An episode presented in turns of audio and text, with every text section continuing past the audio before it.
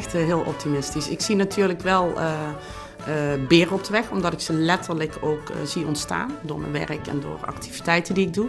Maar ik ben wel altijd iemand die gewoon naar bruggen zoekt naar betere oplossingen. Dus ik ben super optimistisch. want een zwartkijkerige kansmakelaar, dat bestaat niet. Nou, ze zullen er ongetwijfeld zijn. Maar eh, ja, ik, ik zie overal kansen in. Dat is echt zo. Ik zie echt overal kansen in. En misschien komt het omdat ik uh, ja, wat creatiever denk in, in, in geest. En wat minder binnen vaste lijnen. Waardoor ik gewoon kansen zie overal. Van wie heb je dat creatieve denken? Uh, ik denk van beide ouders. Ik heb wel echt twee, uh, twee ouders die allebei heel breed in het leven staan. Dus ook echt een hele brede kijk. Van een generatie die misschien dat iets minder van nature wat minder heeft. Zeker als je beseft dat ik in een dorp ben opgegroeid. Ja, en, en dat zijn uh, ja, wereldreizigers die hebben van alles gedaan in hun leven. Dus ze hebben ons ook mee naar Indonesië genomen toen we nog heel jong waren. Hebben jaren gewoond. Dus ja, ik heb ouders die gewoon ons de wereld hebben laten zien. En ook alle mooie dingen van die wereld. Je noemt jezelf zelfstandig kansmakelaar. Heb je dat zelf verzonnen? Ja joh, ik kreeg het niet meer uitgelegd. nee, het is, ik, ik, ik werd steeds vaker ingezet uh, voor activiteiten, met name in het sociaal, sociaal domein, later ook in het duurzaamheidsdomein. En dan zeiden ze, maar wat doe je nou precies dan? Ik, ik had vaak adviseur, stond eerst op mijn kaartje.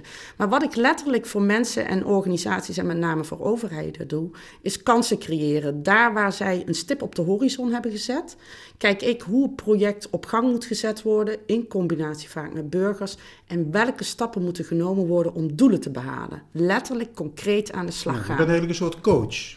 Ja, nou, coach, ja, ik zeg het eigenlijk is het makkelijkste. Je kunt het noemen als bijvoorbeeld projectleider. Uh, dat, dat is bijvoorbeeld een titel die vaak aan mij wordt gekoppeld op het moment dat ik echt een project heb. Maar dat is weer te eenvoudig, want dat is het vaak niet. Soms is het ook gewoon mediator. Soms is het gewoon inderdaad een coach. Maar soms is het ook gewoon echt letterlijk knopen doorhakken van wat moet er nu gebeuren om echt tot resultaat te komen. Geloof je dat iedereen een kans heeft? Um, iedereen, nee. Nee, ik heb helaas een samenleving, zie ik dat niet iedereen, uh, de kansen liggen er wel, maar heel veel mensen krijgen ze niet of weten ze echt niet te pakken. En dat is vaak het keyword. En dat zie je ook binnen overheden. Ze pakken hun kansen niet. En daar help ik ze een beetje bij. Maar er zijn natuurlijk ook mensen die gewoon kansarm zijn. Hè, Die overal laag op, op scoren qua opleiding, intelligentie, afkomst, noem maar op. Ja, dat wil niet automatisch zeggen dat ze geen kansen maken of hebben en ook geen kansen zelf creëren. Maar wat je merkt is op het moment als je in een soort molen terechtkomt, en met name die van de overheid en burgers die dan niet goed voor zichzelf weten op te komen of niet goed de wegen weten te bewandelen, ja, dan zie je dat dat soort mensen vaak van de regel in de drup vallen. En dat die in zo'n molen komen van erger tot kwaad. En dat uh, ambtenaren, maar ook instanties soms ja, door, door de grotere, steeds grotere wordende groep van dit soort mensen, dat je, uh, ja, dat je echt mensen ziet stranden. En uh, ik word soms wel eens ingeschakeld om gewoon een helpende hand te bieden. En soms is één telefoontje genoeg naar, een, uh, naar de desbetreffende ambtenaar of naar een instantie, waardoor dingen weer op de rit komen. En dan kun je je afvragen, waarom lukt dat zo'n gezin bijvoorbeeld niet zelf? Ja, je moet je eens voorstellen hoe soms mensen in hun leven zitten. Alles, alles gaat fout. Uh, ze zitten in financiële schulden. Vaak zitten er ook nog gezondheidsproblemen. Dat zijn allemaal situaties waardoor mensen letterlijk op een gegeven moment geen ja, gewoon helemaal niets meer zien. En letterlijk dus ook geen kansen meer. Maar dan vooral ook niet uh, voor zichzelf meer op kunnen komen. De zelfredzaamheid heet dat. Die, die ontbreekt. Die participatiesamenleving die geldt voor deze groep helemaal niet. Want die kunnen helemaal niet meer benoemen wat ze zelf willen. Want die hebben elke dag stress. Elke dag van kan ik in het huis blijven wonen? Kan ik mijn rekeningen betalen? Hebben morgen mijn kinderen boterhammen? Stress is een dooddoener voor een mens. Mm -hmm. En als jij als, als instantie niet beseft en niet accepteert dat stress mensen letterlijk stil en doodslaat... Hè, dan zul je ze toch bij de hand moeten nemen. Zul je toch gewoon moeten doen. En dan kun je wel blijven schreeuwen participatiesamenleving. Maar een groep in onze samenleving heeft echt even die helpende hand nodig. Maar het gezegde, als je voor een dubbeltje geboren bent, word je nooit een kwartje. Ja. Daar, daar geloof je niks van. Nou ja, kijk, tegen mij hebben ze ook heel lang geprobeerd uit te leggen dat ik een dubbeltje was. en ik ben gewoon een kwartje geworden. Dus ik, uh, ik werk ook heel graag met jongeren samen. En vooral jongeren uit bepaalde gemeenschappen, waar de samenleving nu heel erg duidelijk tegen jullie zegt: jullie komen uit een bepaalde groep, jullie komen uit een deel van onze samenleving, jullie zijn probleemjongeren, jullie passen jullie niet aan. Dit soort jongeren die neem ik echt mee in trainingen waarvan ik zeg: je bent zelf de regisseur, en het is wel een jeukwoord, maar het is wel zo van je leven. Dus als iemand tegen je zegt dat je een dubbeltje bent, dan knok je gewoon harder om een kwartje te worden. Is het fair dat je moet knokken harder dan een ander? Nee, maar zo is het nu eenmaal. En laat ze zien wat je waard bent. Laat je niet stigmatiseren en in een hoek duwen puur omdat een deel van de samenleving dat zegt. Jij bepaalt nog steeds zelf wat jij later wordt. Maar dan moet je wel zelf voor aan de slag. Kijk, en het gaat vaak fout bij gezinnen die al heel lang in situaties zitten waar ze niet meer uitkomen. Maar jongeren zijn nog gewoon ja, fris en, en kneedbaar. Die kun je nog kansen laten zien. En die nemen ze dan op een gegeven moment ook. Wat is jouw meest typerende eigenschap? Mijn meest typerende eigenschap is dat ik mensen weer enthousiast krijg. Dat ze in zichzelf gaan geloven of in een project gaan geloven. En of dat nou een burger is of een wethouder of een ambtenaar. Je ziet gewoon door mijn enthousiasme en puur door gewoon een blik in de toekomst te werpen van kijk, dat is die stip en zo zouden we kunnen gaan bereiken. En dan zie je mensen echt wel oplichten.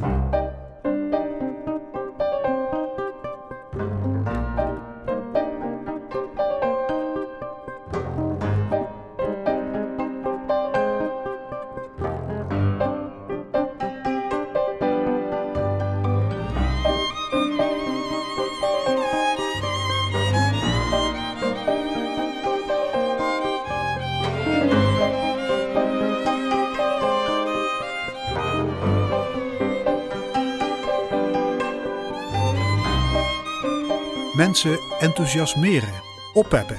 Dat is de missie van Terza Hoebe. Haar appel om niet bij de pakken neer te zitten is vooral gericht op de lagere sociale klasse. Zeg maar de onderste boterham van de sandwich. Want, zegt ze zelf, ik ben ook een kwartje geworden. Hoebe is geboren in Horst, uit een Limburgse vader en een Antilliaanse moeder. Hoe raakt haar moeder begin jaren 60 in Limburg verzeild? Nou, zoals heel veel Antillianen en Surinamers toen nog tijd in de jaren 60, die werden toen allemaal massaal naar Nederland gehaald. Uh, jonge vrouwen, jonge meisjes, om te komen studeren in Nederland voor verpleegkundigen in de zorg. Uh, heel veel van deze dames kwamen natuurlijk automatisch in Rotterdam, Amsterdam, Den Haag terecht. En enkeling ook in het zuiden. En in Horst was uh, ook een opleidingstak. Hmm. Dus niet alleen die vaders werden gehaald, die arbeidsmigranten, maar ook, maar ook vrouwen? Nee, niet. In die tijd kwamen mannen helemaal niet naar, de, naar Nederland. Het waren met name de Antilliaanse en Surinaamse vrouwen die kwamen. Jongens die kwamen nog helemaal hmm. niet. Jongens zijn echt pas in de jaren 70 naar Nederland gekomen. Toen inderdaad de economie wat kelderde in beide landen, toen zag je in één keer dat er een migratiestroom ontstond vanuit arbeid en ook andere opleidingen. Maar in eerste instantie waren bijna alleen maar vrouwen, jonge meiden. Ja, en hoe vond ze het? Ja, mijn moeder vond het fantastisch. Ze moest wel heel even wennen toen ze van het vliegtuig uh, naar buiten liep. Ja, toen was het ijskoud. Ja, kou herkende ze niet. Dus ze stond daar in een mooie kleine uh, mantelpakje te rillen. Maar ja, zij, zij kwam natuurlijk in land, en dat vergeten heel veel mensen. Hè. Ze denken dat het een heel moeilijke en, en zware periode was voor deze dames.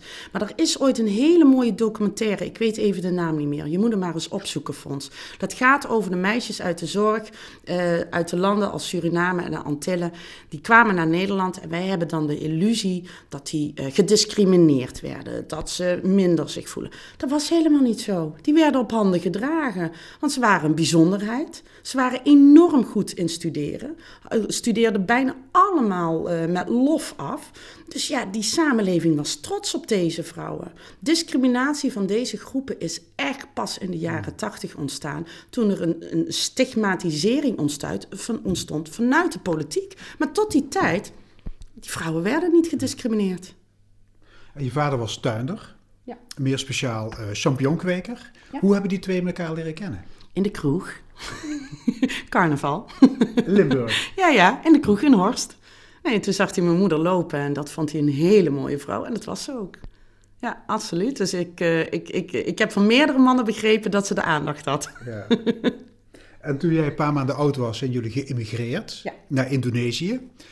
Met welk doel? Uh, mijn vader was een van de eerste echte officiële kwekers, dus met papieren en al. En hij is toen door een heel groot Amerikaans bedrijf naar Indonesië gehaald om daar uh, champignonkwekerijen op te zetten. En dan in verschillende combinaties, dus zowel met zwamachtige als de tradi traditionele champignons zoals wij dat kennen. Want Indonesië een gunstig klimaat voor het kweken van champignons. Ja, absoluut. En zij waren daar zelfs aan het kijken of het dus een open open bedden. Dus wij hebben hier in Nederland is alles in gesloten vorm. Hè. We zitten in, in, een gecontroleerd klimaat. Maar in Indonesië is het natuurlijk super vochtig. Daar gedijt een champignon gewoon op. Warm en vochtig, ideaal. Maar daar werkt het toch helemaal niet met ziektes. Dus uiteindelijk ook daar zijn het gesloten modellen geworden. Hmm. En eten Indonesiërs champignons? Nou, uh, volgens mij was het vooral voor de export. Je ziet het nu wel natuurlijk meer. Maar toen de tijd was dat helemaal niet. Wel de zwamachtige. Hmm. Ja. Je, je weet er alles van. Ja, mijn vader had nog de ijdele hoop dat ik ooit zijn bedrijf overnam. maar dat ging niet gebeuren. Ja. Hey, na 3,5 jaar was het afgelopen daar in de Oost. Ehm, waarom kwamen jullie terug? Mijn moeder kon daar niet gedijen. Uh, het feit dat ik net aangaf dat Nederland toen totaal niet discrimineerde, was dat daar wel. Uh, gekleurde mensen werden totaal. Uh, ja, daar hing wel echt vijandigheid naar mijn moeder. en die zijn toch zelf gekleurd, hè? Ja, maar zij zien het toch anders. Zij zien dat echt heel anders. Zij, zij zien een, een gradatie in kleur. kijk, wit was toen machtig daar, nog steeds. ook al waren er al veel veranderingen, maar wit had nog steeds een bepaalde ja, autoriteit, maar ook bepaalde macht en invloed. En hoe donkerder je was, ja, hoe, hoe, ja, daar werd je niet gerespecteerd. Nee, en je moeder was heel donker? Nee, dat valt wel mee, maar donker is donker in hun ogen. nee, zij is gewoon mokka. Echt zo'n mooie mokka kleur, maar het is... Nee, dat werd niet geaccepteerd. Dus je werd daar als tweede, derde rangs burger behandeld en dan kon ze niet tegen. En toen zei ze van, ik wil ja. terug. Nou, mijn vader die zei ook op een gegeven moment, ja, het moet ook leuk zijn voor iedereen. En mijn moeder had er gewoon niks. Die moest de hele dag, uh, ja, sommige vrouwen zouden je vertekenen. Maar s ochtends vroeg tennis om zes uur, hè, vanwege de hitte. Daarna borrelen, daarna een brunch. Daarna, ja, sommige mensen denken, nou, dat teken ik voor. Maar na een half jaar dacht ze, ja, maar ik wil gewoon werken. Ja, en dat vonden ze gewoon uit het bedrijf van mijn vader. Zeiden ze, nee, een vrouw in jouw eh, positie kan en mag niet werken. Ik denk dat dat de grootste boosdoener was. Dat mijn moeder dacht, ja hallo, ik heb toch ook nog een eigen identiteit. Heb jij nog een herinnering aan Indonesië? Ja, alleen het laatste huis waar we hebben gewoond. We hebben verschillende plaatsen en ik kan alleen het laatste huis in Yogyakarta herinneren. Dat was een groot oud mariniershuis en dat was allemaal gelijksvloers. En ik had een heel klein driewielertje en dan kon ik door dat hele huis crossen. En dat weet ik nog, dat ik door die gangen en huiskamers, want die waren allemaal aan elkaar gelinkt. En daar kroste ik doorheen. Dus dat weet ik nog. Ben je ooit terug geweest? Nee, Naar de plekken van die, van die vroegste jeugd? Nee, dat, wil ik, dat wilde ik echt heel graag. En ik wilde dat het liefst met mijn vader doen. Want mijn vader eh, heeft wel echt een hele mooie tijd in Indonesië gehad. Dat merk ik ook. Die praat er echt nog steeds met heel veel liefde over. Ehm, maar uh, ja, gezien zijn gezondheid en ook zijn, uh, zijn huidige partner ja, die, die ziet dat niet zo zitten. En ik merk dat mijn vader nu een beetje in die generatie komt. Ja, maar zonder mijn uh, vrouw uh, ga ik niet, hè? en dat snap ik ook wel. Maar ik heb wel gezegd, we gaan zeker terug. Met of zonder pap, maar we gaan wel terug. Je ouders gingen op een gegeven moment uit elkaar. Ja. Uh, jij was toen elf. Dat moet er flink bij jou hebben ingehakt, denk ik. Um, nou, eigenlijk niet. Weet je wat het raar is? En dat beseffen heel veel mensen niet. Met elf zit je sowieso in een transitieleeftijd. Hè? En dan ga je al anders naar de wereld kijken. Je begint je ook al langzaam los te weken van je ouders. En op dat moment verhuisde mijn moeder naar Remond. En ik zag het. Ik denk, yeah, de stad. ik woon niet meer in het dorp. en ik moet ook eerlijk toegeven, mijn ouders hebben dat echt super netjes gedaan. Ik mocht gaan en staan waar ik wilde. Als ik bij mijn vader wilde blijven, en dan was dat twee maanden achter elkaar, bleef ik dat. Wilde ik bij mam zitten. Ik, ik, ik mocht de huishoudens verdelen. Dus ik heb eigenlijk alleen maar luxe gehad dat ik twee gezinnen of twee huishoudens heb. Waar ik gewoon naar binnen mocht rennen wanneer ik maar wilde. Jullie kwamen terecht in de Donderberg. Ja. Uh, toen nog een keurige nieuwbouwwijk. Ja. Of waren de eerste tekenen al zichtbaar van de verloedering? Nou ja, de eerste tekenen waren er wel. En dat zag je ook aan de reactie van de burgers uh, toen wij kwamen wonen. Want er werd al snel bekend dat er een gekleurde vrouw kwam wonen, een Antilliaan. Nou, Antillianen hadden toen nog tijd geen goede reputatie, wat ik al zei. Dat was de jaren tachtig. En toen was ons huis ook helemaal beklad van wij willen geen negers in onze straat. Dus dat was wel oh heftig voor mijn moeder, ja. Ja, dus dat was wel indrukwekkend, want toen zag je ook dat er steeds meer gezinnen, uh, allochtone gezinnen, naar deze wijk kwamen. En, ja, en, en inderdaad, wat je zei, het was toen nog tijd nog een hele uh, redelijk blanke wijk. Met wel heel veel mensen uit het leger, die uh, Engelse leger, die in Duitsland zaten. Maar gekleurde mensen zag je niet zoveel. Maar je hebt als tiener die wijk zien veranderen. Ja, enorm. Dat ging heel snel. Binnen vier jaar was het veranderd. Ja, dat Want de wijk stond synoniem aan criminaliteit, drugs, Marokkaanse jongeren. Ja, Antilliaanse jongeren die samen Met, op de, met elkaar op de vuist gingen. Maar hoe is dat kunnen gebeuren? Nou ja, dat is het beleid. Hè. Een gemeente, of landelijk is toen besloten dat je bepaalde gemeenschappen in één wijk ging plaatsen om zo min mogelijk last te veroorzaken voor al die andere goede wijken. En dat is, dat, dat, dat is meerdere malen gebeurd in onze samenleving. En de afgelopen jaren is dat wederom gebeurd. We leren weinig, merk ik. Als je maar blijft uh, groepen in, een, in één wijk zetten ja, dat werkt niet. En als je die groepen ook niet maximaal faciliteert. En om heel eerlijk te zijn, ik vond het ook een hele verdrietige wijk hoe het eruit zag. Als je ziet dat iedereen, nou jij ziet mijn huisje, iedereen is trots op een tuintje. Hè? De huisjes zijn goed verzorgd.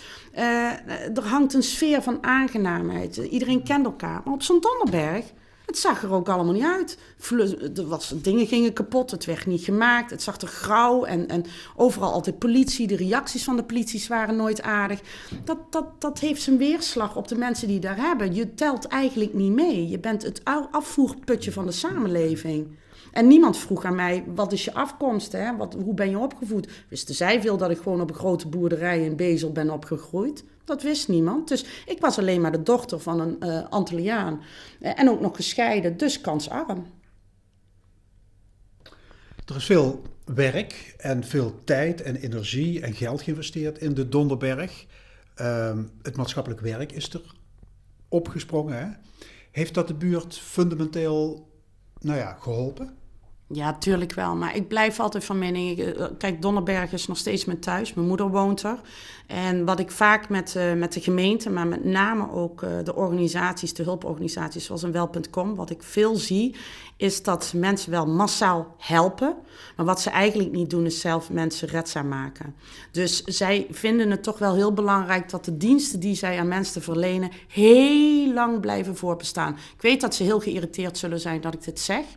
Maar als je mensen werkelijk wilt gaan helpen, moet je ze volwassen maken. En volwassen bedoel ik dat ze echt zelf uh, beslissingen kunnen gaan nemen, voor zichzelf kunnen, kunnen gaan opkomen. Maar ze daar dus ook bij gaan steunen en serieus nemen. En ik zie soms uh, initiatieven en projecten. En die worden jaren maximaal ondersteund, waarvan ik af en toe denk: ja, maar die mensen kunnen het echt wel trainen om te laten zien hoe ze dit moeten aanpakken. En dan gaan ze dat echt wel doen hoor. Petra Stien heeft een boek geschreven over de Donderberg. Ja. Uh, zij noemt het een wereldwijk. In ja. de beide betekenissen van het woord. Mee eens? Nou ja, er wonen uh, ja, over de 185 uh, land, landen zitten daar mensen vertegenwoordigd. Dus dan ben je sowieso al wel een wereldwijk, ja. Ja, maar ook een andere betekenis? Ja. Topwijk? Nou ja, kijk, ik, kijk ik, kan, ik kan het wel heel mooi maken en ik doe dat ook altijd. Ik heb de Donnerberg veel gepromoot, zeker in mijn politieke tijd. Ik heb er veel uh, ministers, uh, wethouders, projecten allemaal naartoe gelaten van kijk, zo kan het ook. Maar aan de andere kant eh, zie ik natuurlijk ook een wijk waar gewoon heel veel shit is. En waar mensen in armoede leven. En dat die hard moeten ploeteren om het een beetje leuk te hebben. En, en het wordt op dit moment wel veel mooier gemaakt dan dat het is. En ik zou eens willen zien hebben dat ze echt burgers burgers die gewoon ja, in, een, in een hard klimaat toch een hoofd boven water uh, moeten zien te houden. En dat ze het toch maar even doen. En meestal toch zonder de hulp van de overheid hoor. Je moeder woont er nog steeds, hè? Ja. Ja, absoluut. Die er wordt wel eens gezegd, Antillianen lijken op Limburgers. Ja. Of, of, andersom. Nee, absoluut. Ik zeg, er is geen verschil. Ze houden van lekker eten. Ze komen altijd te laat. ze houden enorm van carnaval. ja, dat zijn allemaal wel factoren. Ze, ze vinden gezelligheid, familiemensen. Hè? Er zit altijd een grote familieband bij beide culturen. Ik zie alleen maar uh, ja, echt, echt dezelfde trekjes.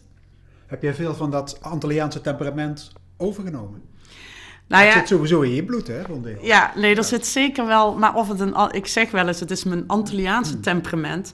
Ik heb gewoon wel een hele pittige, mondige moeder. Maar zij voldoet vaak niet aan het beeld van een uh, echte Antilliaan. Want ze wordt vaak door haar eigen gemeenschap aangesproken dat ze veel te streng en veel te duidelijk is. dus ach ja. Hey, en Roermond, heb je de stad zelf ook zien veranderen?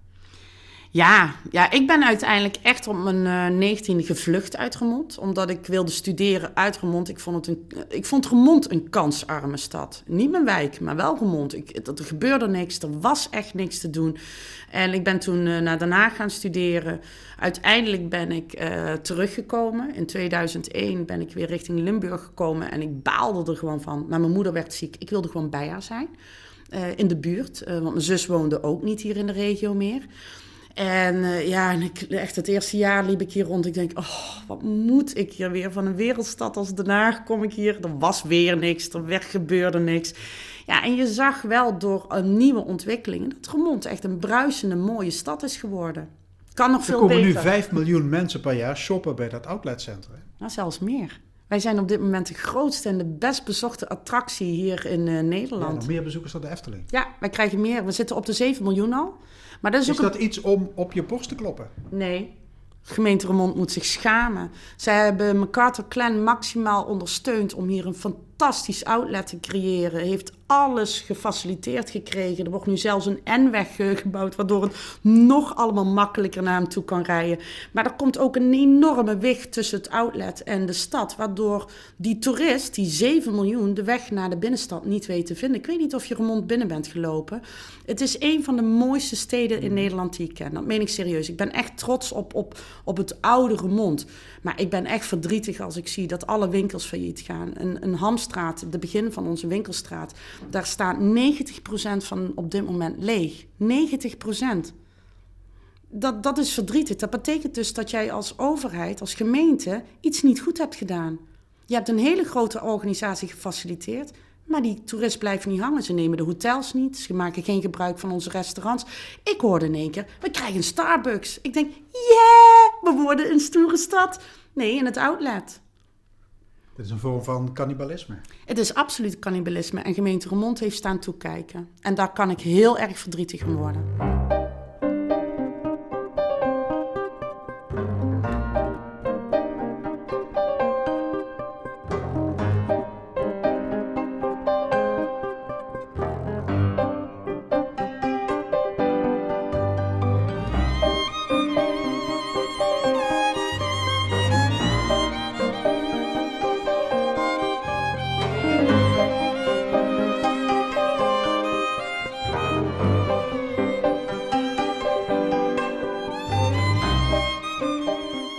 Op haar negentiende verruilde Terza Hoebe het benauwende Roermond voor een ongewis avontuur in de Randstad. Ze ging naar Den Haag voor een HBO-managementopleiding. Haar eerste baan vond ze in de financiële sector. Voor een zogenoemd hit-and-run bedrijf verkocht ze spaarpolissen en verzekeringen. Dat colportagewerk ging er uitstekend af. Ja, helaas wel. Kijk, ik had geen flauw idee wat... Ja, hit run besefte ik wel wat dat betekende. Je, je maakt een afspraak, uh, de callcentrum althans. Je gaat naar binnen en binnen anderhalf uur moet je of een verzekering of een spaarproduct afgesloten hebben. Maar ja, wist ik veel dat het allemaal woekerpolissen waren. Maar op een gegeven moment, ja, ik ben heel leergierig. Ik, weet ook, ik wil altijd weten wat ik doe hè, en waarom ik het doe. Dus ik ben die polissen helemaal gaan uitspitten. En zei dat is helemaal geen mooi product. dat is gewoon schandalig. dus, uh, en, en ik heb toen wel varianten in handen gehad die echt heel interessant waren voor burgers. En die sloot ik dus ook als een tierenluur. En toen zei ik ook, al die andere moet je niet doen. En je haalde top omzetten. Ja, ja het, het, het, ligt wel in mijn, in mijn kwaliteit. Ik ben, ik ben uh, qua gedragingen super commercieel, dus, maar in, in mijn houding niet. Dus mijn, mijn persoonlijke kwaliteiten sluiten precies aan bij uh, hoe je in de commerciële wereld moet werken. Ik ben enthousiast, ik ben gedreven, ik heb een goede motivatie, ik kan mensen meenemen met het verhaal. Ja, dat heb je gewoon nodig. Alleen, ja, ik heb ook nog een heel stukje uh, geweten. Ja. Later ben je voor een makelaarskantoor gaan werken. Ja. Heb je daar ook dingen gedaan waarvan je nu zegt dat had ik misschien beter niet kunnen doen? Nee, Nee, nooit. Ik was ook de enige adviseur. Uh, gezien mijn omzet was iedereen uh, echt, die vond mij echt een randebiel. Ik heb voor een vast salaris gewerkt. Ik heb niet op basis van provisies uh, gewerkt, omdat ik letterlijk niet beïnvloed wilde raken en worden door de verzekeringsmaatschappijen. Want je krijgt echt heel veel aangeboden in die financiële wereld. En ik heb toen wel gezegd, ik wil goede financiële planning. Ik heb me ook op laten leiden tot echt financieel adviseur. Dus financieel planner, dat is gewoon een, een opleiding van twee jaar. En dat hield gewoon in dat je echt van A tot Z gewoon alles gaat regelen. En daar horen gewoon goede, gedegen verzekeringsproducten bij. En uh, dat vond het makelaarskantoor ook uh, prima. Maar waarom ben je gestopt met die financiële business? Nou, weet je, op het moment als jij daar vanuit een moraal uh, ja, gevoel in zit en jezelf wel hele mooie producten afsluit, maar je ziet ook heel veel van je adviezen sneuvelen omdat ze bijvoorbeeld naar een hypotheker of naar een andere bank waren gegaan. En daar horen ze dus onzinverhalen van, goh, je moet nooit een standaard verzekeringsproduct, want deze plannen die zijn veel beter, leef veel meer op, ik krijg veel meer winst erop. Ja, en dan zie je dat mensen toch zich laten overtuigen door, ja, ik zei het toen altijd, van die jongetjes en meisjes die net van de MBO kwamen, inderdaad, net zoals ik toen ooit begon, totaal niet beseffen hoe die producten in elkaar zitten. En het eigenlijk hen ook niet interesseert, omdat ze voor hun eigen geld gingen. Want dat waren echt hele hoge provisies die je kon verdienen. Dat waren niet peanuts. Dus die drive om steeds meer polissen te willen sluiten. En juist die, ja, die niet mooie polissen, die voor de verzekeringsmaatschappij het meest interessante waren, daar zaten de meeste provisies op. Dan kon je de zeebel toen al zien aankomen? Ja, ik heb heel veel mensen gewaarschuwd. Want echt waar, als jij vijf keer je inkomen mag lenen om een hypotheek af te sluiten, dan wist je al dat gaat fout. Je zag hem gewoon groeien. Kijk, als je allemaal van die gesjeesde jongens en meisjes ziet die letterlijk alleen maar naar die dollar kijken, ja, dan zie je het gewoon opbouwen. Dus het instorten van die Lehman Brothers bank en de daaropvolgende kredietcrisis, jij zag het begin het aankomen. Ik niet alleen. De hele bankwereld, alle bobo's zagen het aankomen. Het interesseerde ze niet, want hun eigen spullen deden ze veiligstellen. Maar de jongens en de meisjes, die bleven hollen. Uh, maar ik, ik, kijk, dat is ook de reden dat ik eruit had. Het inkomen wat ik daar verdiende, zal ik waarschijnlijk uh, niet zo snel meer verdienen. Maar het, het, het, het, gaat erom dat je in alle eerlijkheid kijkt van waar ben ik zelf mee bezig. En een, een, een bankwereld met name, als je ziet hoe die de burger uh, ja, inderdaad voor de gek houdt, hoe het allemaal werkt. En het gebeurt weer. We zijn die exact diezelfde zeepbel weer aan het volpompen. Het is toch van de pot gerukt dat in anderhalf jaar de woningmarkt weer op zijn kop gaat. Het, het slaat nergens op dat de overheid het allemaal maar toelaat. Dat hij zegt, jongens, we zijn exact hetzelfde aan het doen. Want het gaat wederom gebeuren. Ik kan niet zeggen wanneer. Maar, als... hoe kan dat? Ze hebben zo kort van memorie of willen we niet leren van de geschiedenis? Nee, we willen niet leren, want we willen gewoon geld. Onze samenleving draait alleen nog maar: ik wil winst, ik wil succes, ik wil geld, ik wil een Tesla. Weet je wel, het gaat nog alleen nog maar daarom. Mensen worden ook wijsgemaakt dat dat het doel in je leven is. Succes zit gekoppeld aan de materie die je hebt. er zijn een enkeling die dat niet zien die zeggen sorry, maar zo zit de wereld niet in elkaar. Ik zie dat anders. Nou, ik hoor daarbij, maar ik ben wel een van de weinigen. Ik merk ook bij jongeren, die worden gewoon wijsgemaakt. Als jij ertoe doet, dan heb je geld op de bank, dan heb je een dikke auto, dan heb je het liefst miljoenen op je. Dus ik zie wel dingen in onze samenleving gebeuren dat mensen gewoon inderdaad enorm hardleers zijn. En elke keer denken, ja, maar nu komt het goed. En als ik het maar goed heb.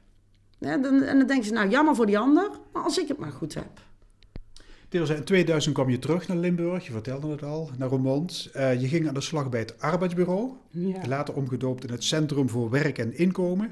Dus de zakenvrouw werd uh, ambtenaar. Ja. Hoe verschillend zijn die twee werelden? Enorm. Ja, enorm. Ik moet ook eerlijk toegeven, het is geen klimaat waar ik eh, binnen heb gepast. Maar ja, ik ben een soort chameleon. Hè. Ik pas me overal wel aan, maar ik merkte dat mensen toch moeite met mij hadden. Ja, er zit een soort gedrevenheid en enthousiasme die ik daar ook zag. En of daar nou een ander salaris en geen provisie en bonus meer aan zat. Ik zag gewoon dat er heel veel mensen in de kaartenbakken zaten die ik letterlijk aan een baan kon brengen. Ik begreep ook letterlijk niet waarom die in de bakken zaten. Dus daar werden hele trajecten omheen bedacht, uh, Ik zeg, je moet gewoon met die mensen naar, naar een bedrijf stappen, onder de arm nemen en gewoon uitleggen waarom ze interessant zijn voor het bedrijf. Nou, dat deed ik ook. Ik ging met iedereen de hort op. Ik vond het fantastisch. Dus je hebt dat arbeidsbureau een beetje opgeschud? Of dachten ze, we hebben we nu in godsnaam binnen, binnengehaald hier? Nee, ik ben bewust om die reden aangenomen. Uh, toen de tijd uh, manager van uh, deze arbeidsbureau was Jan Raamakers. Op dit moment nog steeds ambtenaar voor gemeente Remond. Die wilde gewoon een nieuwe flow in zijn bureau. Die wilde gewoon, ik wil gewoon van ja, meisjes en jongens die weten aan te jagen. Gewoon uit die stoelen te komen en gewoon uh, heel anders te denken. En ik was een van, uh, van die jongeren die uh, toen de tijd werd aangenomen om gewoon maar te gaan. Nou, hij zegt, nou, je mag van mij alles. je mag naar buiten. kijk maar hoe vaak je de, op pad gaat. En we gaan eens kijken hoe succesvol je erin bent om die kaartenbakken leeg te maken. Nou, mijn naam is Trees van der Schoot. Uh, ik woon in dezelfde buurt als Terza. Um, ik heb Terza leren kennen toen ik voor de buurtvereniging ging werken en later in het bestuur kwam. Uh, eigenlijk via haar man, die medebestuurslid is. Maar ik vond Terza ook aardig, dus uh, ja, we zijn een beetje vriendinnen geworden. Wat drijft haar? Nou, wat drijft er niet, zou ik haast kunnen zeggen. Want je kan het met Terza over alles hebben. Um, wat haar het meeste drijft volgens mij, dat zijn zaken die met uh, vrouwen en vrouwenrechten te maken hebben, uh, met gelijkheid van mensen. Um, en ook heel veel laatste tijd met duurzaamheid. En dan denk ik dat ik daar ook wel een klein scheutje aan bijgedragen heb. Ze is niet bang. Uh, is, is ze wel een drammer? Ja, kijk, mensen die sterke overtuigingen hebben en meningen, Um, die dragen dat uit. En soms vinden andere mensen dat ze dat wat te veel doen. Ja. Ja, roept ze wel eens weerstand op? Ja, af en toe wel. Um, bij mij ook wel als ze met een vingertje komt uh, en, en me zo aanwijst. En dan, uh, maar meestal als je dan een grapje maakt, dan, uh, dan is dat ook weer weg. Het is een spraakwaterval. Kan ze ook goed luisteren? Um, ja, ik denk het wel. Um, je moet af en toe dan wel even zeggen van, ho, stop. Uh, nou wil ik eventjes uh, mijn punt maken. Maar als je dan ook uh, wat gaat vertellen, dan jawel. Dan kan ze heel goed luisteren en ze doet er ook wat mee. Wat zijn haar sterke en zwakke punten? Nou, ik vind dat ze heel breed georiënteerd is. Dat vind ik een sterk punt. Ik vind dat ze heel snel uh, uh, ziet waar de, waar de punten zitten waarop geschakeld zou moeten worden. Vind ik ook een goede eigenschap. Ik vind gedreven mensen leuk, dus ja, dat vind ik ook leuk in Terza. Uh, ja, en ik vind ook wel heel leuk aan dat ze veel humor heeft. Want zonder humor, dan, uh, ja, dan is gedrevenheid niet meer zo leuk. Maar humor is er genoeg. En hoe ziet haar zachte kant eruit? Uh, volgens mij is ze heel zorgzaam uh, met de kinderen. Um, ook voor onze buurt, voor andere mensen. Uh, ja, dat is de zachte kant. Kortom, geen kwaad woorden over Terza Hoebe? Nee, bij mij niet. Ik kan prima met te vinden. We hebben altijd hele leuke gesprekken. Binnen de twee minuten zitten we op een heel leuk thema. Ja, leuk mens. Mijn moeder is altijd heel actief uh, in de politiek geweest. Ze, heeft, uh, ze is echt een harde voort, voorvechter geweest voor gelijkheid tussen mensen, gelijke behandeling van verschillende gemeenschappen. Dus ik heb ook heel vaak op de barricade staan schreeuwen hoor, dat wij jongeren positie moesten krijgen en hele debatten gevoerd met, met ambtenaren en wethouders toen ik nog jong was. En om die reden hebben ze me ook op een gegeven moment gevraagd van God, Teresa, zou je dat niet eens om willen zetten, maar dan echt in de politieke arena? Nou, ik zag het helemaal... Ja, oud-wethouder André Bloemers heeft jou benaderd, hè? Ja. Die stond letterlijk aan de deur te bellen. Ja, die heeft echt aangebeld en die zegt, ik wil dat je de politiek in gaat. En ik zei, nou, dat wil ik niet. Ja. Hoe lang heeft hij je moeten overreden? Nou ja, hij is heel slim geweest. Hij zei ook al zo van, ja, je hebt een baan waar je heel veel met de overheid werkt. En ik hoor jou heel vaak zeggen, want ik ken hem ook van oudsher. En toen zei hij, ik hoor je vaak zeggen dat je die overheid gewoon niet snapt als klant. Dat je gewoon dat loggen en waarom ze niet kunnen handelen en waarom ze niet in beweging komen. En gewoon hun kansen niet grijpen op de juiste momenten. Hij zei, dan snap je dat, hè. Ga nou de raad in, dan snap jij hoe... Dus dat heeft hij slim gedaan. Ja, ja, je bent wel lid geweest van raadscommissies, maar nooit lid geweest van de gemeenteraad zelf. Waarom nee. niet? Nee, ik wilde altijd een bepaalde vrijheid behouden. Als uh, raadslid zat je in de coalitie en ik geef gewoon heel eerlijk toe. Ik vond de toenmalige coalitie gewoon geen mooie combinatie. Het was redelijk dictatoriaal opgezet. Hè? Iedereen mm. vaarde wel een bepaalde koers. En als commissielid mag je gewoon heel veel deurtjes uh, opentrappen. Oké, okay. maar bij de laatste gemeenteraadsverkiezing was je lijsttrekker. Ja. Duo-lijsttrekker. Nul zetels. Ja, wij voelden het al aankomen, Richard en ik. Kijk, op het moment als jij een partij hebt die al in zwaar weer zit... en echt volledig onzichtbaar bent geweest in de periode daarvoor... Uh, en hoe hard Richard er ook aan wilde trekken. Dat is gewoon een hele zware periode geweest, omdat we met een klein team zaten. We hadden natuurlijk dat één raadslid ook nog opstapte naar een andere partij. En op dat moment zie je en proef je gewoon dat dat zijn weerslag heeft. Hè? En op het moment dat je dan campagne gaat voeren en een paar andere partijen landelijk vooral heel goed doen, dan zijn mensen veel minder geneigd om op jou te stemmen. In 2016 stond je op de kandidatenlijst van de Tweede Kamer op een volstrekt onverkiesbare plaats, 72. Maar het zegt iets over jouw ambitie? Nee, helemaal niet. Maar ik vind het wel belangrijk dat je als uh, Limburgse kandidaat. Ik vind sowieso, uh, het is een hele interessante beleving, dit soort uh, campagnes. En Tweede Kamercampagnes zijn natuurlijk nog bijzonderder. Dus ik, ik heb wel gezegd, ik wil, als je je wil profileren als partij, dan is campagneperiode gewoon interessant. Dus dan moet je gewoon kandidaten hebben. En wij hadden in het zuiden hadden we er een paar waarvan ik denk, prima. Maar je moet aanjagen. Ik zat in een statenzetel waar ik vanuit die positie dus heel interessante dingen kon doen in de campagnetijd. Dus ik heb toen ook gezegd, nou zet me maar lekker eh, helemaal op het einde. Dan kun je dat ook echt benoemen. Hè. Ik heb niet die ambitie. Maar ik wil wel uh, dat er natuurlijk gestemd gaat worden. Ja, je bent vijf jaar lid geweest van Provinciale Staten. Um, hoe kijk je terug op die provinciale politiek? Hij is wel heel interessant. Ik, ik vind het voor mij een vele leukere uh, wereld dan uh, de, de, de, gemeentepolitiek. Omdat echt wel uh, wat grotere dossiers. Het, het, het, het, gaat echt om heel wat meer euro's. en de, ja, de logheid van de projecten moet je aankunnen. Je moet ook accepteren dat sommige dingen gewoon drie, vier, vijf, soms zelfs langer nog een jaar duren. Dus dan moet je goed mee om kunnen gaan. En, maar het, het, niveau zie je vooral, dus de, kwaliteit ook van de statenleden. En dat bedoel ik vooral over de kennis en kunde die ze over de dossiers hebben, die is, die is hoog. Dat merk je ook. Mensen weten precies hoe het werkt, de politieke arena. En dat zie je in de raden vaak wat minder. Mensen weten vaak niet zo goed wat is mijn rol, wat is mijn taak, wat zijn mijn, wat zijn mijn mogelijkheden allemaal. Dat zie je in de raad wat minder. En in staten zie je dat al veel minder. En in de Tweede Kamer zie je dat al helemaal niet meer. En uh, de Vriendenrepubliek, Limburg, bestaat die? Nou ja, kijk, Limburg is, uh, en dat zie je ook een beetje meer in de zuidelijke landen, hè, ons kent ons. En dan kunnen ze op een kop staan, maar dat leeft hier gewoon. Ja, dan, kun je, dan kun je goed proberen te praten. En de vraag is ook, is het heel slecht? Ja, ik weet het niet. Het is, het is van oudsher ons, ons, het zit een beetje in ons DNA. We zijn misschien alleen een beetje doorgeslagen. En dit is ook echt vriendenrepubliek, niet vriendinnenrepubliek. Nee, die vriendinnen die zitten nog nergens.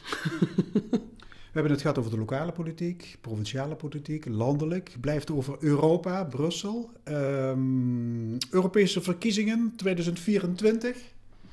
Nou ja, kijk, ik, ik vind uh, het is wel een onderdeel waarvan ik altijd heb gezegd, misschien in de toekomst, daar zou ik nog wel eens een keer naartoe willen. En waarom? Ook nu weer log, moeilijk te doorgronden. Hoe kun je dat dingen toch nog minimaal in beweging krijgen? Ik hou alles wat complex is, vind ik leuk, merk ik. Dus alles wat moeilijk in beweging te krijgen is, daar wil ik meer van weten. Of dat in 2024 zal zijn, denk ik niet, omdat je echt niet thuis bent. En uh, mijn, jongen, mijn kinderen zijn nog redelijk jong. Uh, en ik zou, ik zou het zonde vinden als ik ze vijf dagen per week niet zie.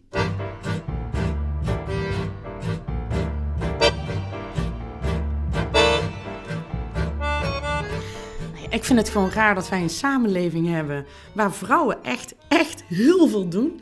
We zijn vaak de mantelzorgers, de vrijwilligers, de moeders, de, de, de, vaak met een parttime of een fulltime baan erbij. En toch lukt het ons om ons wijs te maken dat wij vrouwen uh, zelf de reden zijn waarom wij nog steeds niet aan de top zitten van onze samenleving. En ik blijf dat gewoon raar vinden. Er is een reden waarom we niet aan die top zitten. En die deur wordt ook goed dichtgehouden. Ik ben geen uberfeminist, hè, maar ik vind het gewoon een raar fenomeen dat gewoon ook nu weer er geen reële afspiegeling is van onze samenleving. Dus 50-50 man-vrouw in de top van, van... Dat snap ik. Waarom wordt die deur dichtgehouden? Nou ja, kijk, uh, bepaalde posities zijn van oudsher al uit een bepaald milieu. Uh, dat waren de, de, de, de, de rijkere mannen, de goed opgeleide mannen, de heren van stand. Nou, die heren van stand die moesten toen al hun posities een stukje gaan opgeven aan wat grotere groep heren, mannen die erbij kwamen. En nu komen er ook nog vrouwen bij. Ja, je moet gewoon heel simpel zien. Als ik 100% eerste positie heb en in één keer moet ik de helft van mijn mannen laten gaan om daar vrouwen voor in te, te plaatsen zetten ja, ik denk dat niemand dat zonder slag of stoot doet, maar dat we daar al meer dan 100 jaar mee bezig zijn en dat dan het nog niet lukt. Ik vind dat we echt als samenleving ons moeten schamen en gewoon met quota moeten gaan werken. Doe ik liever niet. Mhm. Ik vind het echt eigenlijk onzin. Ik vind het ook schandalig als het gebeurt. Maar wat de TU in Delft heeft gedaan, Zij zeggen gewoon heel fair, we hebben er alles aan gedaan om die vrouwen te krijgen. Maar we merken op het moment dat de selectieprocedures ingaan en er blijven bijvoorbeeld nog een man en een vrouw over, dat iedereen toch geneigd is te denken dat die mannen beter kan. En uiteindelijk ook de baan krijgt. Om te voorkomen dat we in die mantra blijven, mogen alleen nog maar vrouwen reageren. Ik vind het zo, ja, het is drastisch. Het is wel eindelijk een overheidsorganisatie zegt, want anders gaat het blijkbaar niet gebeuren, want het is nog niet gebeurd. En die vrouwen zijn er wel. En dat is zo raar, dat iedereen zegt, ja, maar het gaat om kwaliteit. Een derde, dus een derde van de hoger opgeleide promovenda zijn dus vrouwen. Dat is genoeg om op dit niveau die vacatures te vullen. We hebben het niet over tien vrouwen maar landelijk. Nee, we hebben er over heel veel vrouwen. Afgestudeerd, vaak ook nog cum. Dan denk ik, houd toch op met die mantra, het gaat om kwaliteit. We hebben zoveel kwaliteit bij vrouwen. Die zijn er echt te vinden. Dus als we nou stoppen met elke keer die tekst. Het gaat om kwaliteit. Dus eigenlijk zeg je automatisch: hè, die mannen kunnen dat volgens mij toch net iets beter. Dat is onzin.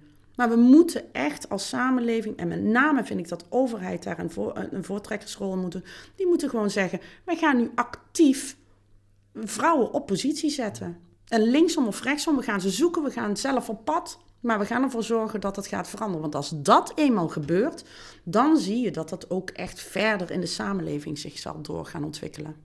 Wat betreft die rode vrouwen, die club is wat ingedommeld. Ik heb begrepen dat jij de rode vrouwen weer op de kaart wil, wil zetten.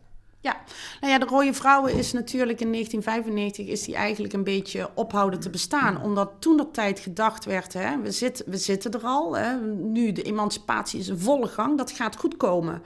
Uh, en toevallig hadden we vorige week nog een hele mooie uh, bijeenkomst met de rode vrouwen. Met alle oude rode vrouwen. Een Gerdy Verbeet, een Hedy Dancona. Dus echt al die oude iconen. Dat je denkt, oh wat gaaf om in één ruimte met ze te zitten. En toen zei ik, waar is het misgegaan? En toen zei ze, ja wij dachten dat we er al waren. We dachten, het komt wel goed. En ze zegt, en het is nu zo verdrietig om te zien dat bij alle laatste verkiezingen, dus zowel landelijk in de provincie als bij de gemeentes, dat alle posities van vrouwen verminderd zijn. In de gemiddelde gemeenteraad zit nog geen 28 procent. Het is te verdrietig voor woorden. Vind je dat de rode vrouwen zich los moeten maken van de Partij van de Arbeid? Ja, ik denk niet dat Partij van de Arbeid blij is als ik dit zeg. Ja, ik vind van wel. Ik zie de rode vrouwen waren toen op zijn krachtigst. Kijk, we zijn ooit bij de partij gekomen omdat wij vanuit een sociaal-democratische ideologie uh, zaken aanjagen. Wij vinden werkelijk dat iedereen recht heeft op een eerlijk bestaan. Man, vrouw, transgender, maakt ons niks uit. De rode vrouwen is ook voor iedereen toegankelijk. Maar omdat het gekoppeld zit aan de partij op dit moment, denk ik dat wij uh, ja, onszelf een stukje tekort doen. Ik zou de rode vrouwen echt weer uh, de vrouwenzaken, dus voor de gelijkheid tussen mannen en vrouwen, willen aanjagen vanuit een iets mindere politieke arena. Wel de politiek aanjagen, maar zelf iets minder vanuit die stempel. Teresa, zit er een bepaalde logica in jouw beroepsmatige en politieke activiteiten? Nee, ik heb altijd zoiets het lot bepaald. nee, ik, ik hou van alles wat nieuw is. Hè. Ik hou van, ik merk dat ik uh, zo'n tijdperiodes vaak van zeven tot tien jaar heb. En dan komt er weer een enorme wisseling in mijn leven qua uh, brancheverandering. Of, en waarom? Ja, ik, ik, ik hou gewoon van nieuwe uitdagingen. Ik, ik vind het heel interessant om me constant opnieuw te scholen, constant opnieuw me te moeten verdiepen. En daardoor krijg ik, hou ik volgens mij het gewoon het gevoel dat ik heel jong ben, dat ik de eeuwige student ben of zo. Wat is de grootste prestatie in je leven? Mijn twee zonen opvoeden. Dat is iets wat ik nooit had verwacht. Iedereen zegt, ja, als moeder kun je dat makkelijk zeggen. Ik, ik was geen mama-mama toen ik mijn kinderen kreeg. Ik was wel echt een, een, een, niet een typische carrièrevrouw. Maar ja, mijn loopbaan was wel heel erg carrièregericht. Dus je ziet wel een positie op een gegeven moment die ik had uh, ja, daar hoort een bepaald soort persoon bij. Hè? Die jaagt en die vindt het prima dat ze 80 uur per week soms draait. Uh, ja, en bij kinderen krijgen, ik, ik, daar maakte ik me echt degelijk zorgen over of ik wel een geschikte moeder kon zijn. Hmm omdat ik gewoon dacht, ja, kinderen leuk, maar ik heb er niks mee. En mijn man die zei, dat komt allemaal goed. En het is toch ook goed gekomen? Ja, maar dat is wel mijn grootste prestatie. Want dat is wel een stukje waar ik ook echt naar mezelf heb leren kijken van... hoe zit jij nou eigenlijk als mens in elkaar? En waar ben je nou in godsnaam mee bezig dat je 80 uur per week soms jaagt? Wat een onzin. Geniet van het leven, want die is vandaag. Ik heb aardig wat eh, vriendinnen op jonge leeftijd moeten begraven. Uh, met de komst van mijn kinderen. Het is allemaal een beetje rond diezelfde periode geweest. En dan ga je echt in één keer heel anders naar je leven kijken. En in één keer denk je, verdorie, je moet nog nu genieten niet omdat ik heel veel geld op de bank wil of die dikke auto wil. En ik heb toen echt wat hele drastische keuzes gemaakt. In, in mijn, ook in mijn carrière, in de manier hoe ik in het leven. Veel intensiever de politiek ingegaan. Ik denk, ik, ik vind dat ieder mens moet beseffen. Het gaat niet om die, die, die, die carrière te willen beklimmen. Het gaat erom dat je gewoon een mooie samenleving hebt. En van met elkaar geniet. En dat, het kan ook zijn dat je lekker in de kroeg hangt. Naar een tv-programma lekker zit te relaxen. Maar mensen genieten niet meer van de kleine dingen. Gewoon genieten van het leven nu. Is er ook een, een spirituele kant aan jou te ontdekken? Nou ja, ik ben, uh, ik ben super gelovig opgegroeid. Ik weet bijna elke pagina op de, van de Bijbel op te dreunen. Maar zelf ben ik, hoe ouder ik ben gaan worden, merk ik ook dat geloof een hele grote boosdoener is uh, door mensen te isoleren of te laten geloven dat ze beter zijn dan anderen. Dat doet het geloof niet, dat doen de mensen zelf. En ik ben steeds meer me proberen uh, los te weken van de geloven zelf, de geloofstromen. Want dat zie je nu ook. Hè? De een die zegt, ik ben moslim, ik ben katholiek, ik ben christen, ik ben jood. En ze bevechten elkaar ook. Hè? Er zijn hele wereldoorlogen geweest om geloof. We hebben koppen afgehakt vanwege het geloof. Dan denk ik altijd, ja, sorry, als je predikt liefde, ik volg hem niet. Dus ik zei al heel jong tegen mijn moeder, dit kan het gewoon niet zijn. En ik geloof nog steeds wel dat er iets is.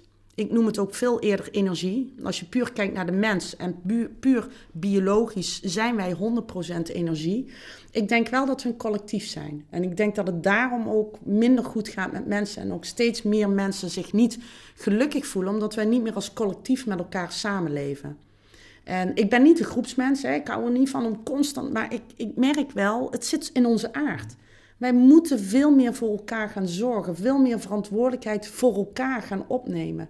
Want dat is denk ik ook de reden dat mensen nooit dat geluk vinden. Ook al heb je in één keer die dikke auto en dan hoor je mensen zeggen, en nog is het niet genoeg. En nog moet ik meer, want ik ben nog steeds niet gelukkig. Ik snap niet waarom ik niet gelukkig ben. En ik denk gewoon, als wij gewoon accepteren dat wij als mensen niet gemaakt zijn om los van elkaar te functioneren, maar als één geheel, Misschien wordt de wereld dan eindelijk weer eens wat mooier. Maar als we blijven geloven dat we alleen maar hier voor onszelf zijn, dan hebben we een probleem. Dan krijgen we een hele solistische samenleving waar een klein groepje het gaat redden, het goed heeft, het financieel goed heeft. Ik wil niet zeggen dat ze gelukkig zijn, maar financieel onbezorgd kunnen leven. Dan een hele grote groep op deze wereld het gewoon heel slecht heeft. Dat wordt zo'n zondag. Ja. dat klopt. Nou, het wordt een zondag, ja. Nou, ik weet het eigenlijk niet. Ik zeg geniet van het leven en keep it, uh, keep it simple, denk ik altijd. Terza, tot slot je haiku. Ja, ik had er een. Ja, ja. Kort en krachtig, hè? Moet die zijn. Onbreekbaar. Ogen kijken mij trouw aan. Zie mijn zonen staan. Toelichting? Nou ja, het zegt het al. Als je kijkt, uh, wat ik bij mijn kinderen heb geleerd, is dat daar een een vertrouwen uit, uh, uit die ogen komt. Hè? Dat zij jou altijd geloven, jou altijd willen volgen. Uh, en dus, dus altijd alles wat je zegt als waarheid aannemen. Dat is heel bijzonder om te ontdekken, maar ook heel gevaarlijk. Ik vind dus ook echt als ouders moet je goed uitkijken hoe je je kinderen opvoedt. Ook al heb je bepaalde overtuigingen, wees voorzichtig door je kinderen niet te besmetten met woede, verdriet, frustraties. Maar probeer juist dat vertrouwen wat ze in je hebben, uh, niet te breken en laat ze hun zichzelf ontwikkelen en zelf bepalen later wat waar en uh, niet waar is en dat jij ze erbij helpt. Nog een keer de haiku? Dat is onbreekbare band. Ogen kijken mij trouw aan, zie mijn zonen staan.